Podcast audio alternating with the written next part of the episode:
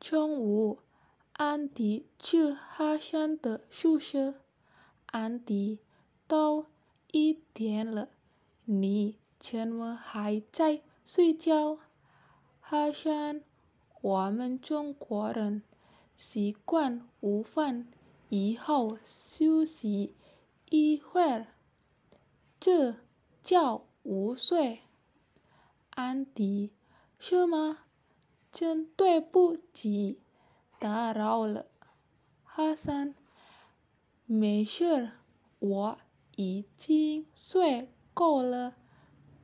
快请坐。安迪，这个星期六，要是你有空儿，到我那儿去坐好吗？我有很多。问题有，请教你，哈桑，请教，不敢当，随便聊吧。上午我有空儿，我八点去，行吗？安迪，八点太早了，我还在睡觉呢。哈桑。八点还早，我每天五点半就起床了。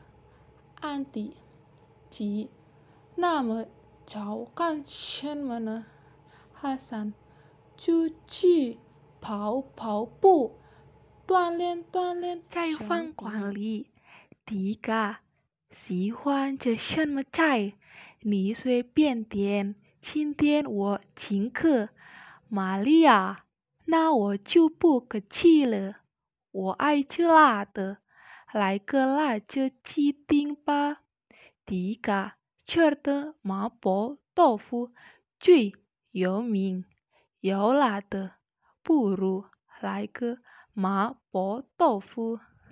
玛利亚，你刚才说这个菜叫什么名字？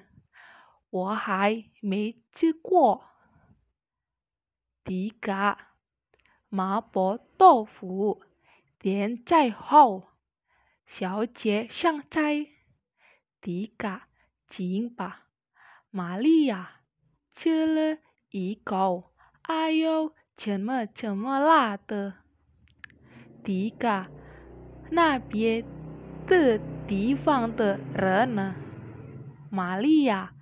北方人爱吃咸的，南方人爱吃甜的，山东人也爱吃辣的，山西人爱吃酸的，这就是南天北咸，东辣西酸。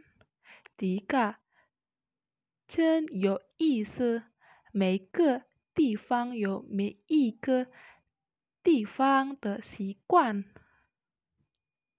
可是四川不在东边啊，玛利亚。